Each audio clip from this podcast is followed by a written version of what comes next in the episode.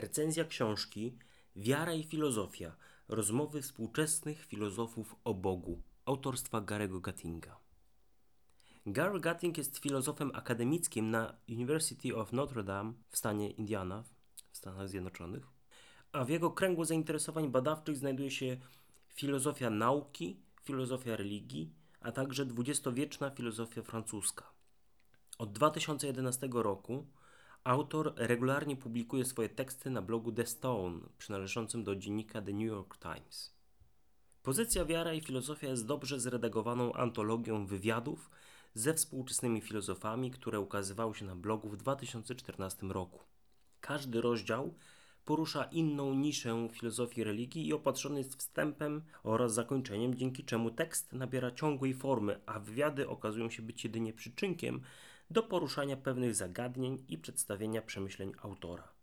Niemniej jednak i tak najlepszym określeniem pomysłu, jaki zrealizował Gatting, to mozaika lub przekrój przez filozofię religii.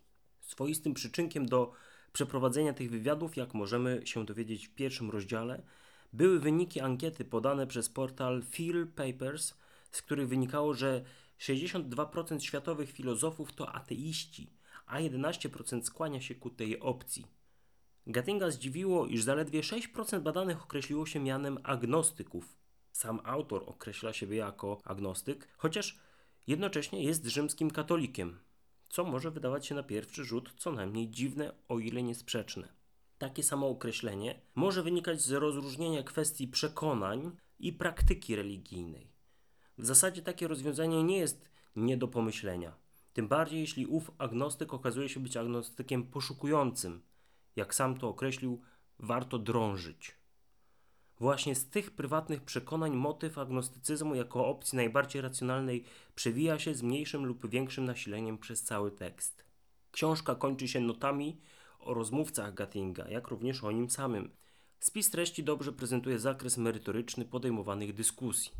Rozdział pierwszy przedmowa, drugi głos za teizmem, następnie głos za ateizmem, religia i dekonstrukcja, doświadczenie i wiara, miękki ateizm, religia i kosmologia naukowa, religia i ewolucja, perspektywa muzułmańska, hinduizm, boskość bez Boga, buddyzm, religia bez boskości, religia i wiedza, kontekst historyczny, zamiast zakończenia, nota o rozmówcach, nota o autorze.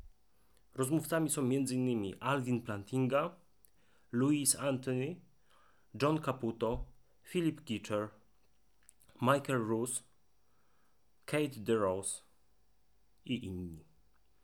Warto nadmienić, iż rozdział zamiast zakończenia to wywiad Garego Gattinga z samym sobą. Pytania dotyczą m.in. przyczyny i celu powstania przedstawionych w książce wywiadów.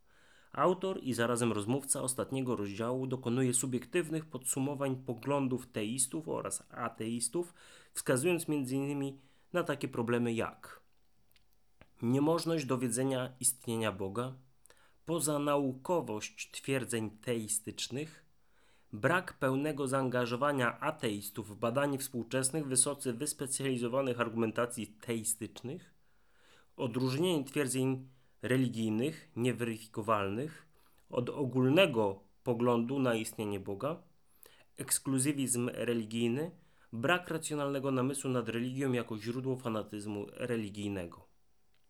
Gatting w tej partii tekstu tłumaczy się również niejako przed samym sobą, w jaki sposób godzi agnostycyzm, wstrzymanie sądu na temat istnienia Boga, z przynależnością konfesyjną, jaką jest w jego przypadku rzymski katolicyzm.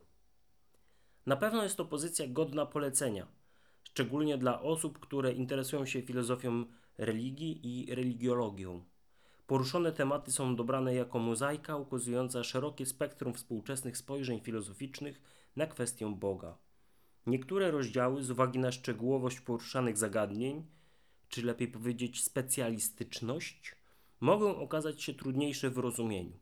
Nie należy jednak się pochopnie zniechęcać, gdyż bardzo możliwe, że po przewertowaniu kilku kartek czytelnik odnajdzie swoją niszę tematyczną i wciągnie się w wir dialogu. Dziękuję za uwagę. Konrad Pasikowski.